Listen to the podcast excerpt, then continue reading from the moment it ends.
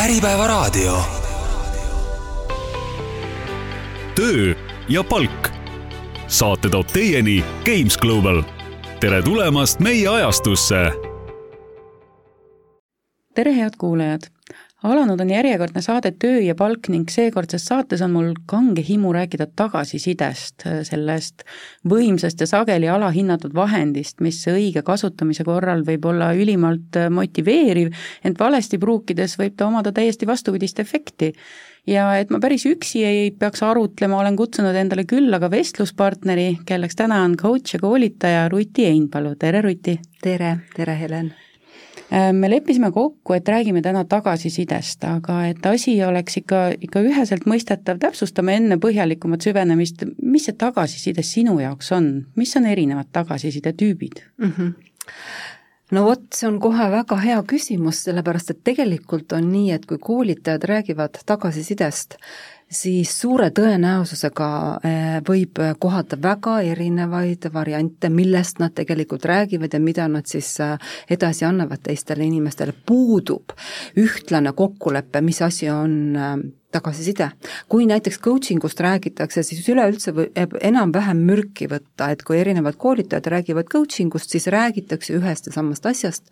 aga tagasiside on siis nii igivana juhtimistööriist ja inimeste arendamise tööriist, et põhimõtteliselt äh, võib kohata väga erinevaid kontseptsioone, jah. no muidugi võib-olla kõige lihtsam on ikkagi mõelda nii, et on siis olemas positiivne tagasiside, kui me räägime mingitest headest asjadest, ja siis siis on see teine asi, mille kohta justkui tahaks öelda negatiivne tagasiside, aga no negatiivset tagasisidet mitte keegi ei taha saada. nii et siis väga sageli räägitakse konstruktiivsest tagasisidest või arendavast tagasisidest või, või mis iganes. ja nüüd, mida selle all mõeldakse, vot see ongi see asi, mida siis erinevad äh, koolitajad, juhtimisteoreetikud tegelikult käsitlevad täiesti erinevalt. näiteks ühes ääres võib olla nõndanimetatud hamburgeri meetod, hamburgeri meetod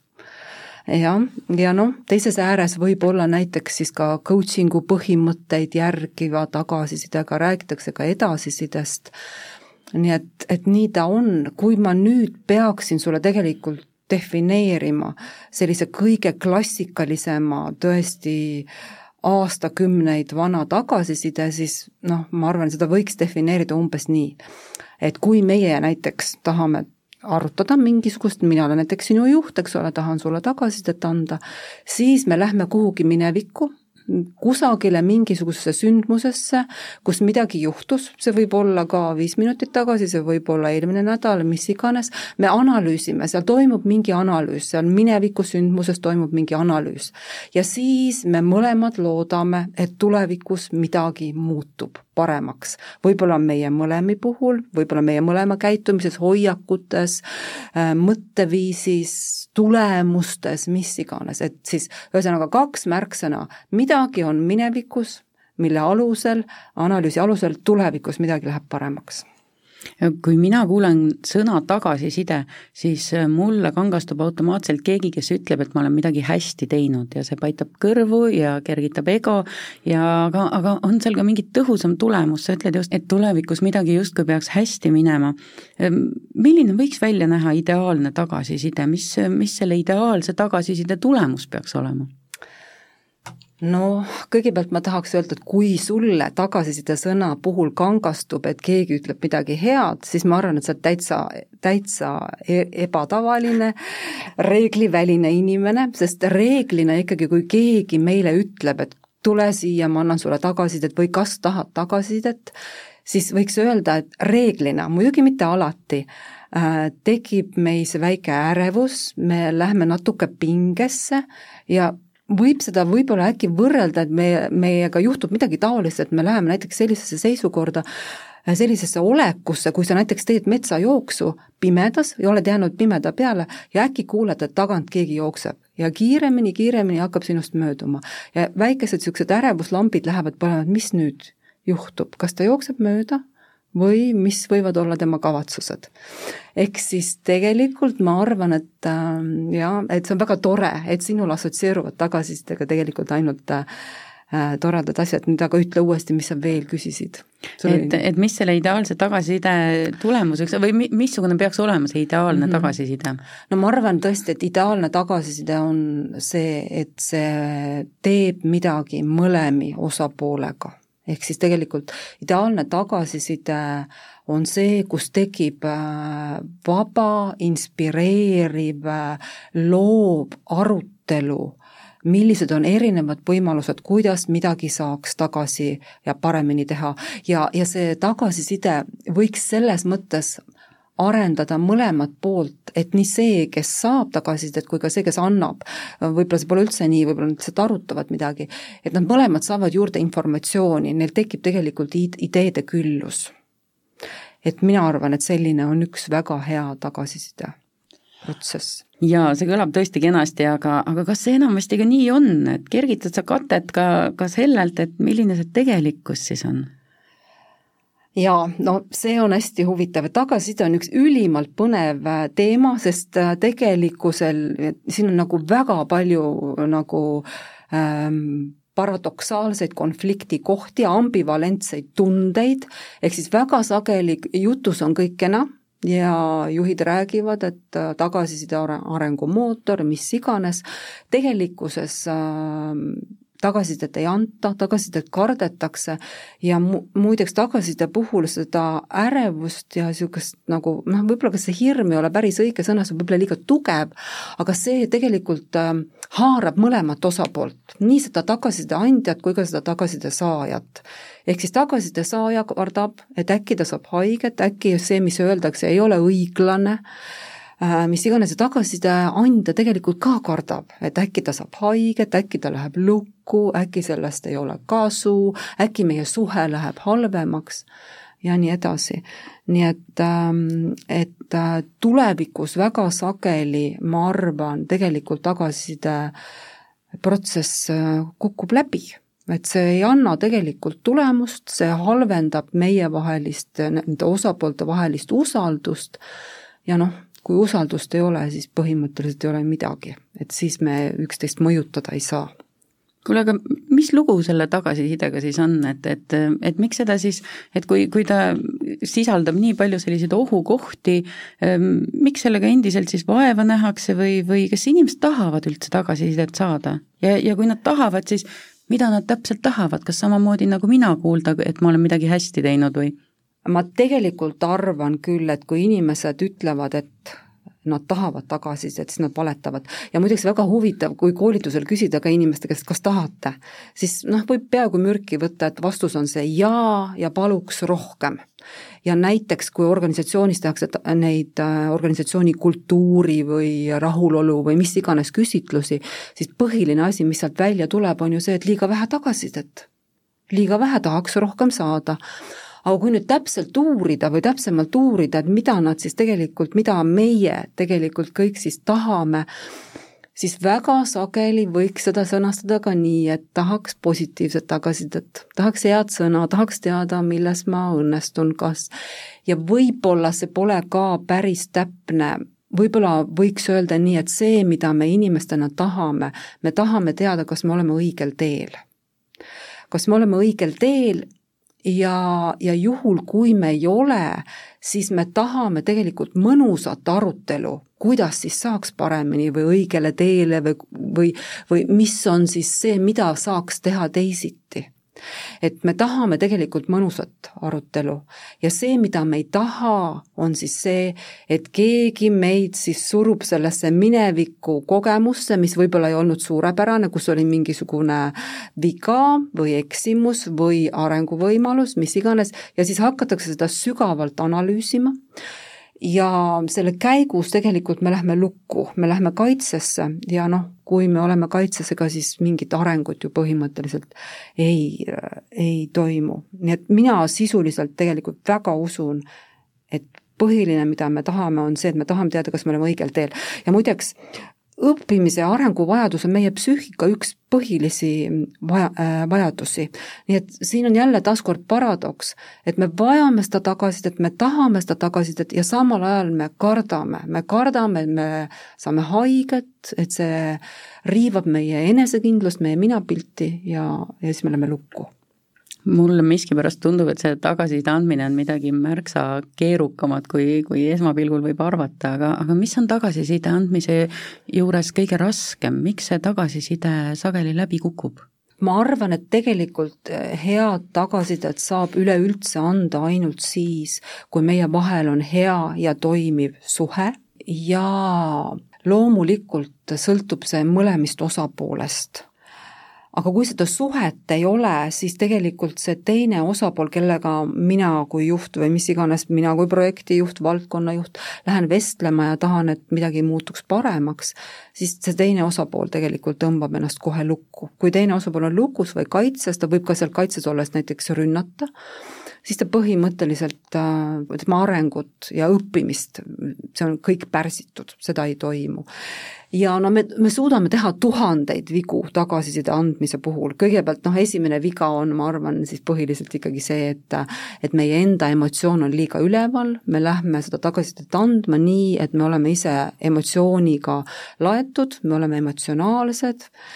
Ja tegelikult äh, hakkame seda teist inimest paika panema, õpet, õpetama, moraali lugema, mis iganes neid versioone on hästi palju, oleme hinnangulised. jälle taaskord, niipea kui me niiviisi eksime, siis on kohe kõik mokas. ehk tegelikult võiks otsemaid selle vestluse ära lõpetada, sest äh, kui me selle ära lõpetaksime, võib-olla suhe jah halveneks, aga siis nagu kasu ei ole niikuinii midagi, pluss suhe ka halveneb, nii et et äh, kaks kehva asja jah, et mhm. selliseid tagajärgi me ju päris kindlasti ei soovi tõesti mm, -hmm. aga aga mida me saaks teha või, või mida saaks näiteks töö kontekstis juht teha, et suurendada seda tagasiside tulemuslikkust mm? -hmm ma arvan, et siin on kaks suurt teemat, eks ole, üks on konkreetselt see, et ma oskan seda tagasisidet anda, et ma teadvustan kõike seda, mis tagasiside andmise protsessis võib juhtuda, seda, mismoodi teine võib minna kaitsesse, eks ole, mismoodi Äh, mis temaga tegelikult ka neurobioloogilises mõttes võib juhtuda, et ma teadvustan seda ja siis, ja siis, et ma oskan seda tagasisidet anda. pluss siis teine on see, mida tegelikult juhid saavad teha, on siis tagasisidet toetav kultuur siis tegelikult, et arendada seda kultuuri ja see on ju pikk, aastatepikkune töö ja eriti, kui organisatsioon on näiteks sellise mingi minevikukultuuriga, kus kombeks tegelikult ei ole asjadest ausalt ja selgelt ja läbipaistvalt ja üksteist austavalt rääkida, need kaks asja. ja võib-olla ma ütleks tegelikult, et kolmas, mis võib-olla on kõige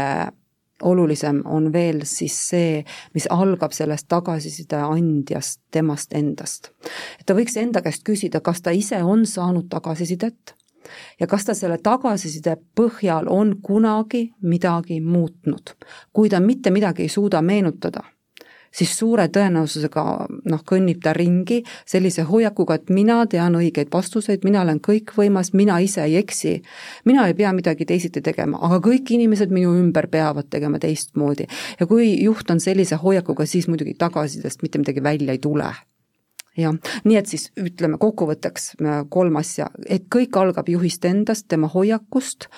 äh, sellest, kas ta ise võtab tagasisidet vastu, kas ta ise tegelikult on midagi kunagi muutnud, kui keegi on talle tagasisidet andnud, siis teiseks ta peaks tegema suuri jõupingutusi selleks, et luua tagasisidet toetavat kultuuri, pluss siis tegelikult õppima neid oskusi.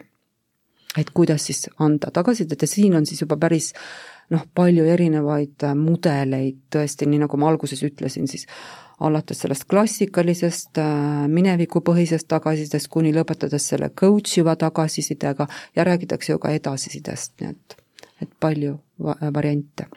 mida nüüd see tagasiside saaja, kui ta, kui ta läheb nii-öelda mm -hmm. tagasisidet saama, mida tema oma hoiakutes võiks, võiks muuta või, või kuidas ta peaks ennast ette valmistama, et see, et see ei tuleks talle ei mõjuks talle halvasti?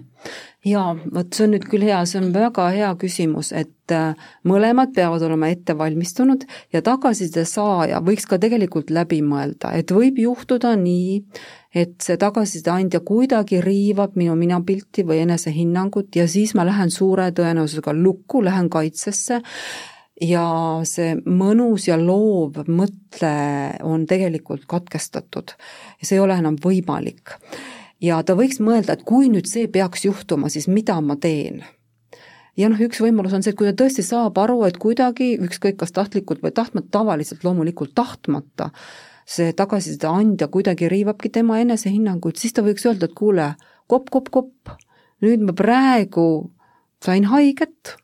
et äh, teeme kas pausi või teeme stopi või hakkame uuesti otsast peale. või et noh, ikkagi iseenda eest seista. ja mõnikord ma näiteks koolitustel hästi ütlen ka nii, et kui see tagasisideprotsess ongi nii, et sa oledki haiget saanud, ja sellel ajal, kui see vestlus toimus, sulle seda pähe ei tulnud ennast, enda eest kuidagi seista, siis noh, ükski rong pole läinud senikaua, kui inimesed elavad, et siis lihtsalt lähed koju, mõtled järgi ja kirjutad meili või helistad järgmisel päeval sellele inimesele, ütled, et kuule, teeme uuesti, eile ma läksin lukku, ma sain haiget, see riivas mind, räägime uuesti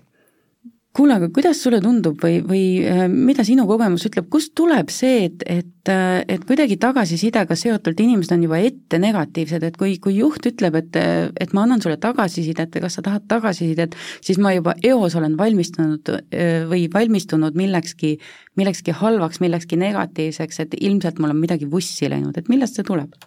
Kuidas meie aju töötab, näiteks kui sina ütled mulle, et Ruti, ma tahan sulle anda tagasisidet, siis sel hetkel äh, kui see informatsioon siseneb minu ajusse ja, ja ta läbib minu äh, pikaajalise mälu, siis hakatakse sealt otsima sarnast kogemust. ja kui nüüd minu aju leiab ükskõik kas või neljakümne aasta tagant kusagilt näiteks koolis toimus mingi vestlus, ja minu aju arvab, et see on sarnane tagasisidevestlusega või oli mul mingi magistritöö kaitsmine või mis iganes, kus keegi ütles halvasti mulle, ma sain haiget, mu enesehinnang sai kaits- äh,, sai, äh, mu enesehinnang sai äh, riivatud, riivatud hoobi, eks ole, siis see sündmus minu aju meenutab mulle seda ja ütleb, vaata Ruti, kunagi kolmkümmend aastat tagasi sul oli üks vestlus, sa said haiget, pärast nädal aega põdesid. nüüd tuleb sul umbes sarnane vestlus, ole iga igaks juhuks natuke ettevaatlik. ja nüüd ma tulen sinuga vestlema, sina tahad minuga mõnusalt arutada mingit teemat, rääkida, kuidas saaks paremini, aga mina olen igaks juhuks läinud lukku, ma olen läinud kaitsesse. ja see tähendab see, mida sina näed, et sa näed ühte lukus rutit, kes on kidakeelne, kes vaagib igat sõna, pigem on, räägib vähe ja no proovi sellise rutiga mingit tagasisidevestlust pidada, mis lõpeks veel uute ideedega, see ei ole võimalik seepärast, et meie see loov ja loogiline mõtlemiskeskus, meie prefrontaalkorteks ei tööta. Ja kogu aur läheb tegelikult minul kui tagasiside saajal sellele, et mida on turvaline öelda, kas on turvaline öelda, parem ei ütle, mida ta arvab minust, eks ole, tuhat niisugust äh, äh, mitte vestlust soodustavat mõtet. Aga selles samas töö kontekstis on, on lisaks kasutusel veel ähm, üks termin, on üks-ühele vestlused mm, -hmm. et, et mille poolest need tavaliselt äh, või tavalisest äh, tagasiside andmisest erinevad mm? -hmm. no üks-ühele vestlused on nüüd nii, et see sõltub, kui sageli need vestlused on, et noh, kõiki vestlusi võib, kus me oleme kahekesi, me võime nimetada üks-ühele vestlusteks, eks ole, noh, mida siis juhtimiskirjanduses järjest enam soovitatakse, on siis see, et teha neid üks-ühele vestlusi järjest sagedamini, noh sõltub loomulikult valdkonnast ja, ja ja paljudest asjaoludest, eks ole, kui sageli on neid mõistlik teha, aga noh, oletame, kui mul on nädalased üks-ühe, ühe, üks-ühele vestlused oma inimesega, siis põhimõtteliselt see vestluse loo, et oluline on alati see, et vestlusel on mingi kindlaks kokku lepitud struktuur. mitte nii, et me tuleme kokku ja vaatame lihtsalt äh,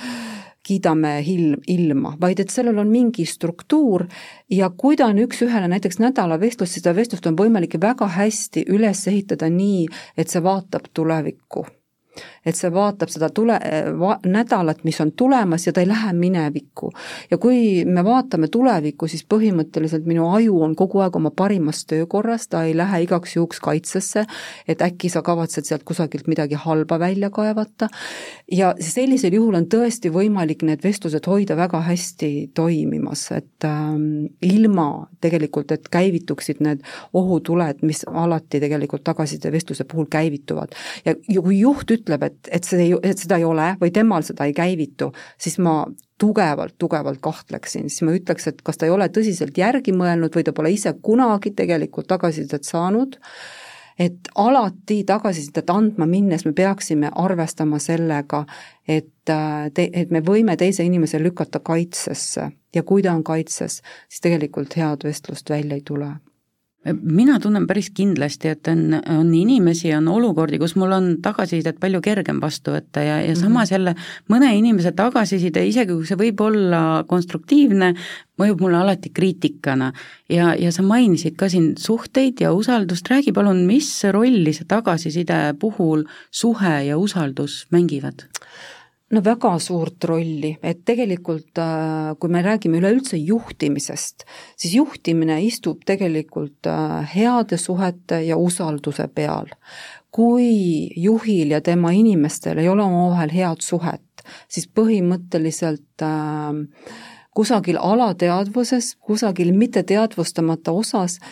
tegelikult kogu aeg mõtlen, mida on turvaline rääkida, kui palju on turvaline rääkida, väga sageli võib juhtuda nii, et me noh, varjame oma eksimusi, võib-olla varjame on liiga tugev, aga loodame, et need ei tule välja. Ja, ja see, selline seisund on väga kaugel tegelikult sellest pidevalt õppivast äh, mõtteviisist, mis organ-, organisatsioonis olla võiks. Ja see mõtteviis võiks olla nii, et ka juhid õpivad pidevalt, et samamoodi nagu nende inimesed eksivad, eksivad ju ka juhid mis on tagasiside puhul need kõige olulisemad oskused? nii, ma arvan, et äh, ma ütleks praegu võib-olla alustaks hoopiski nii, et kui sa lähed tagasisidet andma, siis istu korraks maha ja mõtle, kuidas sa saad seda teha nii, et sa ei anna tagasisidet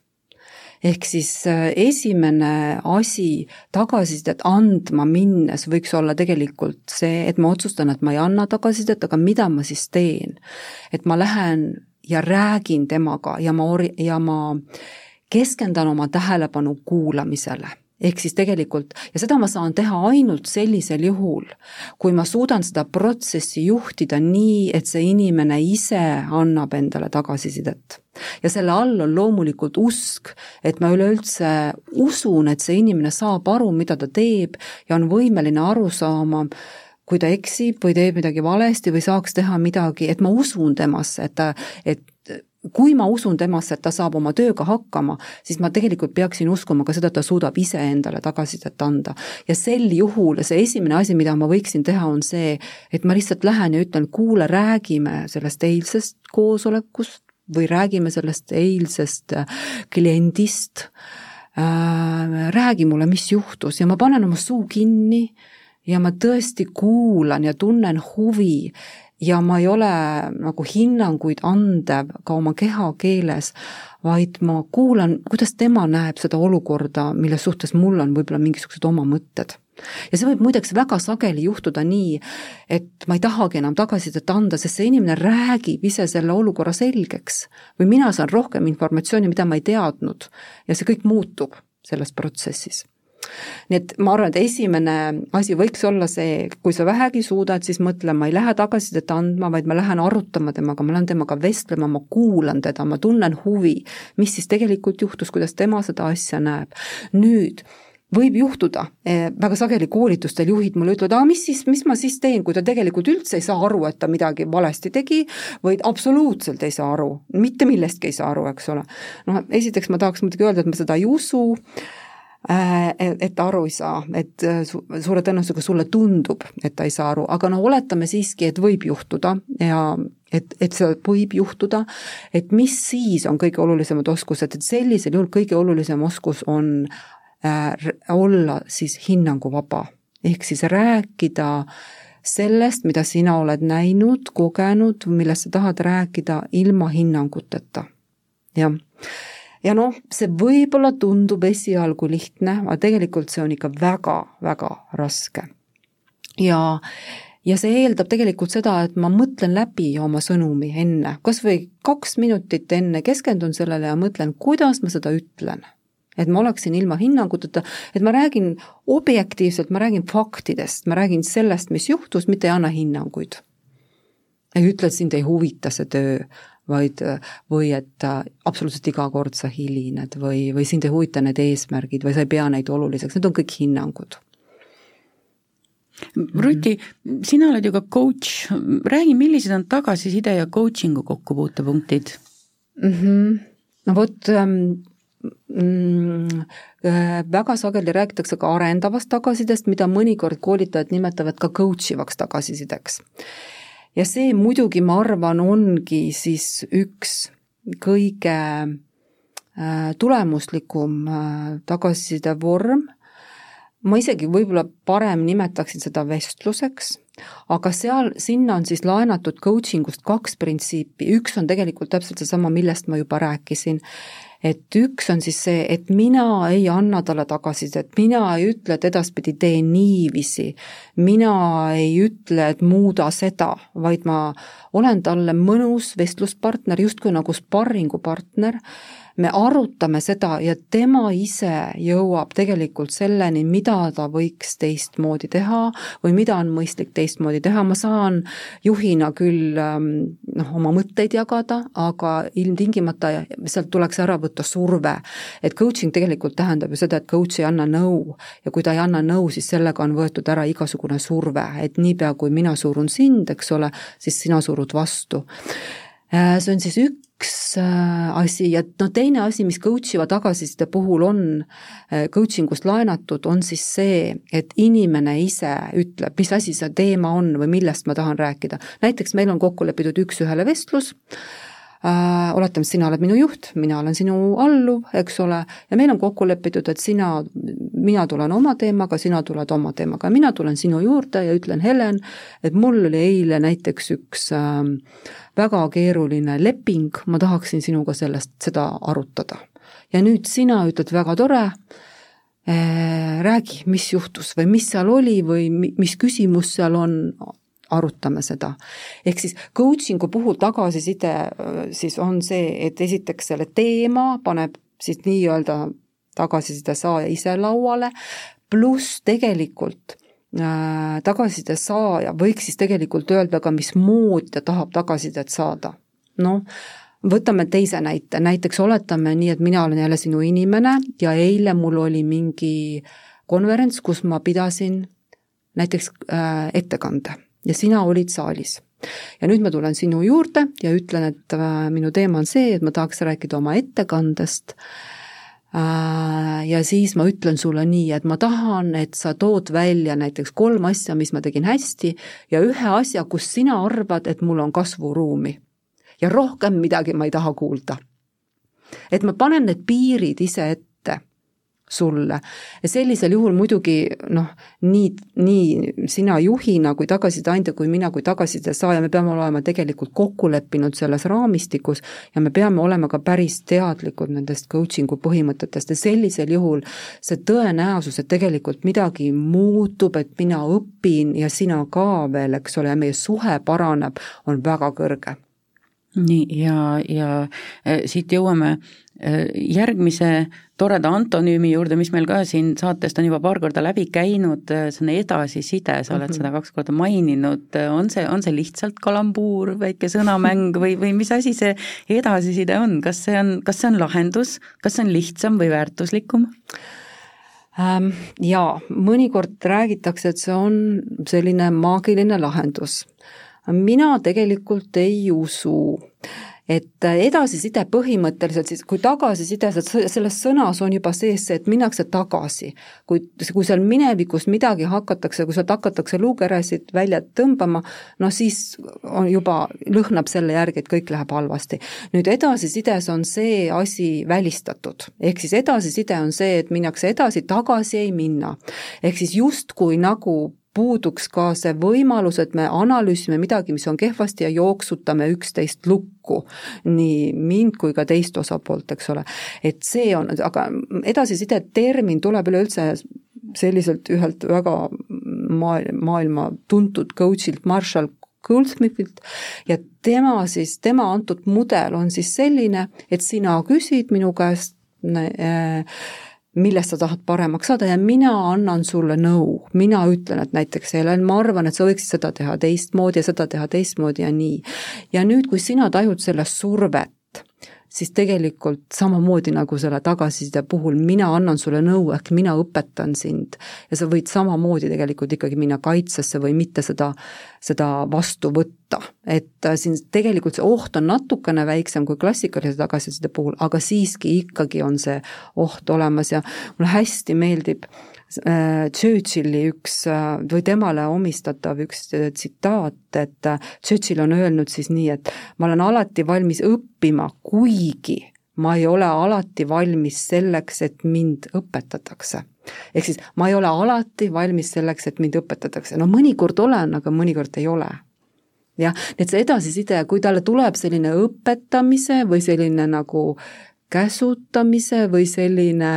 et noh, sina tee nii, mina tean, selline maik mann, kui seal on selline maik mann, eks ole, siis ta ei toimi me jõuame ikkagi välja sinnasamma usalduse ja, ja selle kõige ja. aluseks oleva suhteni, eks ole, et kelle, kelle tagasisidet ma võtan vastu ja kelle, kelle oma tundub alati kriitikana. no absoluutselt ja,, jah, jah ja nii, aga, aga Ruti, on mul õigus, et enamasti ei ole nii, et tagasiside on, on kas läbini negatiivne või läbini positiivne ja see toob meid selle äh, ka, sa oled seda maininud, hamburgeri moodi tagasisideni, et mis see, mis see hamburgeri meetodil tagasiside endast kujutab? No see hamburger on siis selline, ma arvan, et sa oled kuulnud kindlasti, et no nagu hamburgeril ikka sai ja liha vahepeal, et siis tahad mingisugusest asjast rääkida, oletame, et on seal mingi jama, kõigepealt natuke kiidad teda, eks ole, ütled, et kus ta on tubli olnud, siis nüüd paned selle, mis on jama, eks ole, räägid, analüüsid. Ja siis lõpuks veel natukene kiidad. Ja nüüd mina sügavalt usun, et see on, ähm,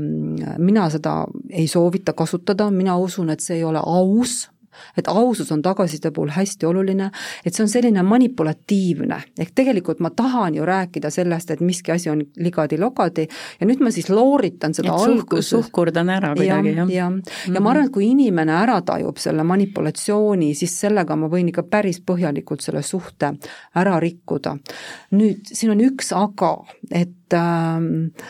äh, see äh,, see hamburgeri meetod äh, et see on üks aga, et ühesõnaga, kui ma tahan rääkida konkreetselt, anda millegile tagasisidet, siis on, ja see asi on kehvasti näiteks, siis ikkagi kõige parem meetod on see olla aus, mõelda, olla hinnanguvaba, lülituda ümber kuulamisele ja rääkida asjast. nüüd aga, kui ma teen mingisugust kokkuvõtvat vestlust, näiteks arenguvestlust või äh, mingit kuuvestlust või mis iganes, siis sellisel juhul, ja ma teen kokkuvõtteid, me teeme koos kokkuvõtteid, inimene teeb ise kokkuvõtteid näiteks oma kuust, mina teen kokkuvõtteid tema kuust, siis sellisel juhul see mudel on küll väga sageli nii, et kõigepealt räägitakse sellest, mis on hästi,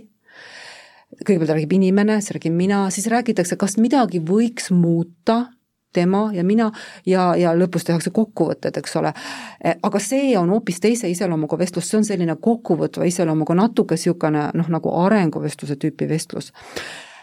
ja seal ei minda mitte ühtegi konkreetset jama lahendama, aga et kui on konkreetne jama, siis mina arvan, et nagu alati see, mis meid päästab, on see, et olla nagu läbipaistev ja võimalikult aus ja võimalikult palju tegelikult teisest inimesest lugupidav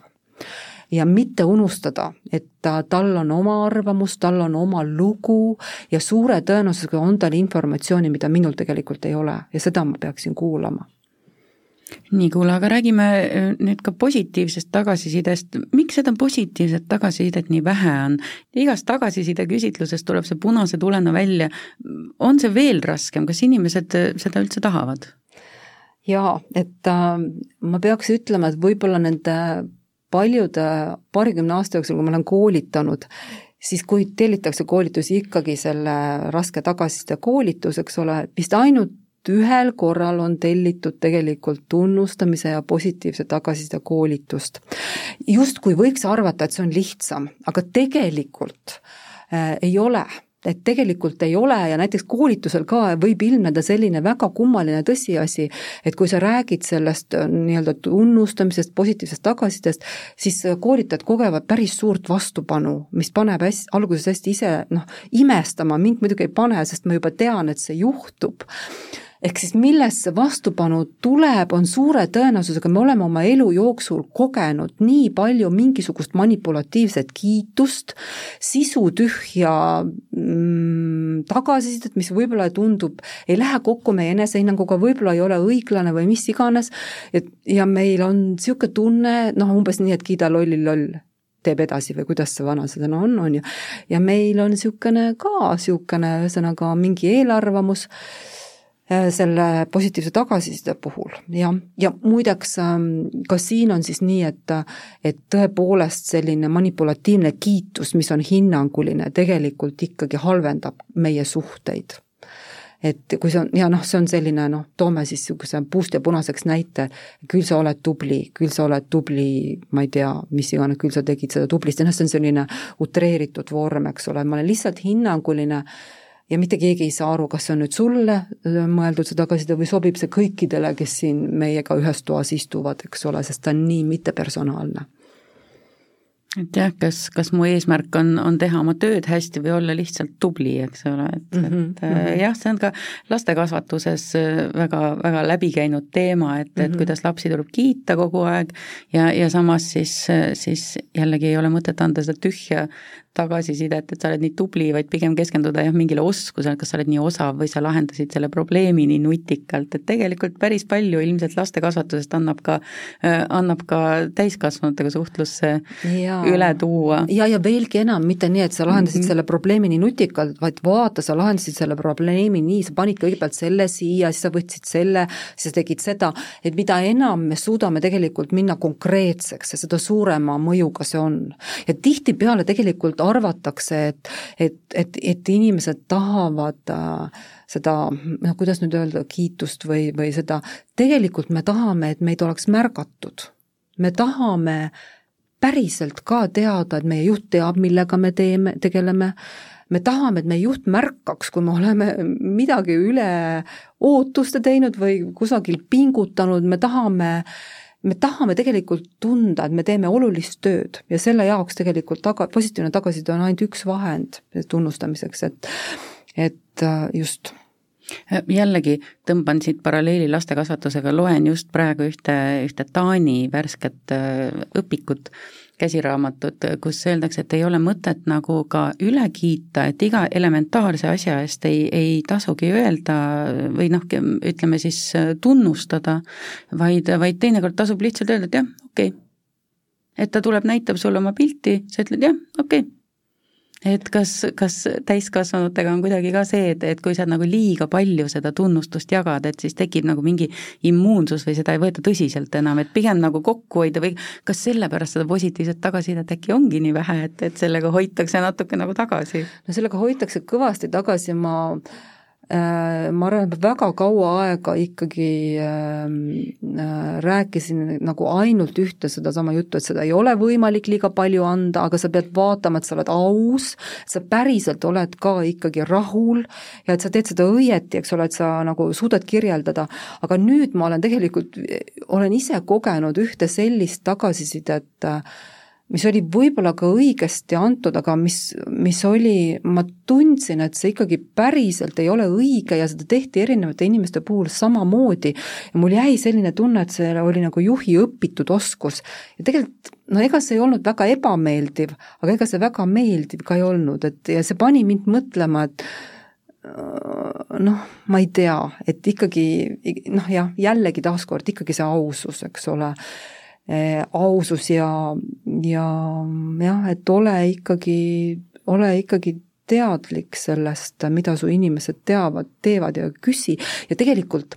muideks palju parema tulemuse, et su inimene tunneks, et ta on oluline ja teeb väärtuslikku tööd, annab tegelikult tema kuulamine kui temale nende heade sõnade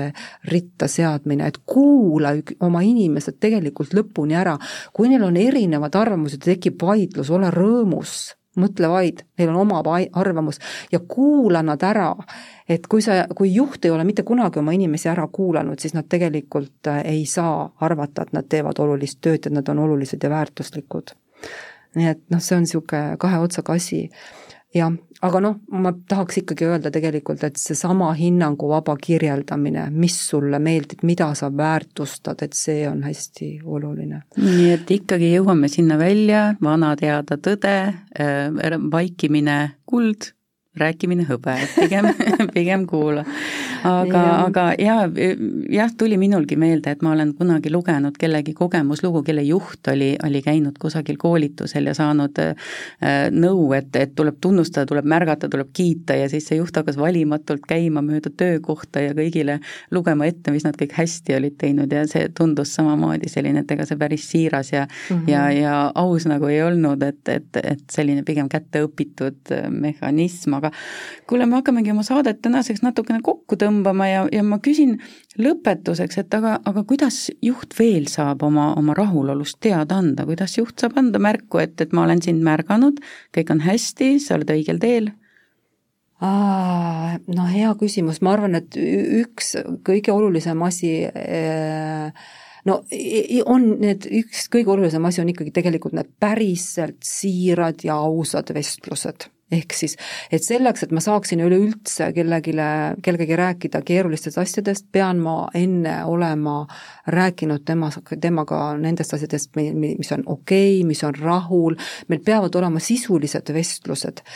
Ehm, ja nüüd ma tõesti arvan, et ka väga keerulised vestlused võivad anda inimesele sellise tunde, et ma olen väga oluline, see töö, mida ma teen, on oluline, mis on kõik pühendumise eelduseks. ja selle vundament tegelikult on ikkagi kuulamine. et kui juht ainult räägib, siis põhimõtteliselt see signaal, mis ta ütleb oma inimesele, on see, et mina olen ainuõiglane, mina olen ainutark, mina tean õigeid lahendusi, tõe monopol on minu käes, sina lihtsalt täida käsku noh, selliseid inimesi me tänapäeval, nendega pole ju midagi pihta hakata ja ma arvan, et me juhtidena peame kõik olema hästi tähelepanelikud, et me kogemata ise tegelikult seda mõtteviisi ei, juurde ei produtseeriks. nii et ma arvan, kuulamine, aga noh, siin on tuhandeid asju, kõikvõimalikud tiimiüritused äh,, ja, ja üks asi, mida ma veel tahaks, et kui tih-, öelda, et kui tihtipeale arvatakse, et heade sõnade ütlemine on juhi töö,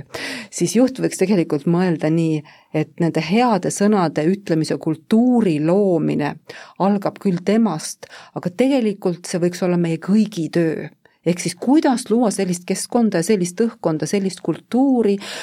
kus me kõik tegelikult teadvustame seda, et kui me ütleme üksteisele häid asju, häid sõnu,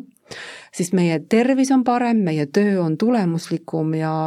ja üleüldse meie elu on ka mõtestatum. ehk siis, et, et see, ja muidugi see ei vabasta juhti nendest heade sõnade ütlemise äh, ülesandest, aga me kõik saame tegelikult seda teha ma praegu mõtlen, et, et siin ilmselt ei, ei tule kasuks see, kui töökeskkonnas vali, valitseb selline teatav võistluslikkus mm, -hmm. et mhm. siis vist ei kiputa mm -hmm. väga, väga kiitma ega, ega tunnustama, kui, kui näed, et kolleeg on midagi hästi teinud, siis pigem nagu torkab nagu nuga. jah, see on täitsa omaette teema ja see on ka väga nagu niisugune huvitav ja intrigeeriv teema, aga noh, kipub olema jah nii, et kui me väga võistlust äh, ikkagi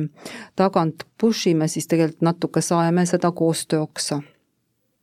nii, aga ma päris lõpuks küsin, et tagasisidel on üksjagu puutepunkte ka arenguvestlustega, et saad sa siin mõnda põgusalt nimetada või tuua välja äkki mõne soovituse, mis arenguvestlusel eriti hästi töötab? mm. -hmm. no minu jaoks nad on täiesti erine-, erinevad vestlused, kuigi puutepunktid on kindlasti olemas, kui mina räägin tagasisidest, siis ma ikkagi mõtlen seda, et on olemas mingi konkreetne sündmus, mingi konkreetne tulemus või juhtum, millest äh, me räägime ja mida me arutame ja analüüsime, keskendume ühele asjale.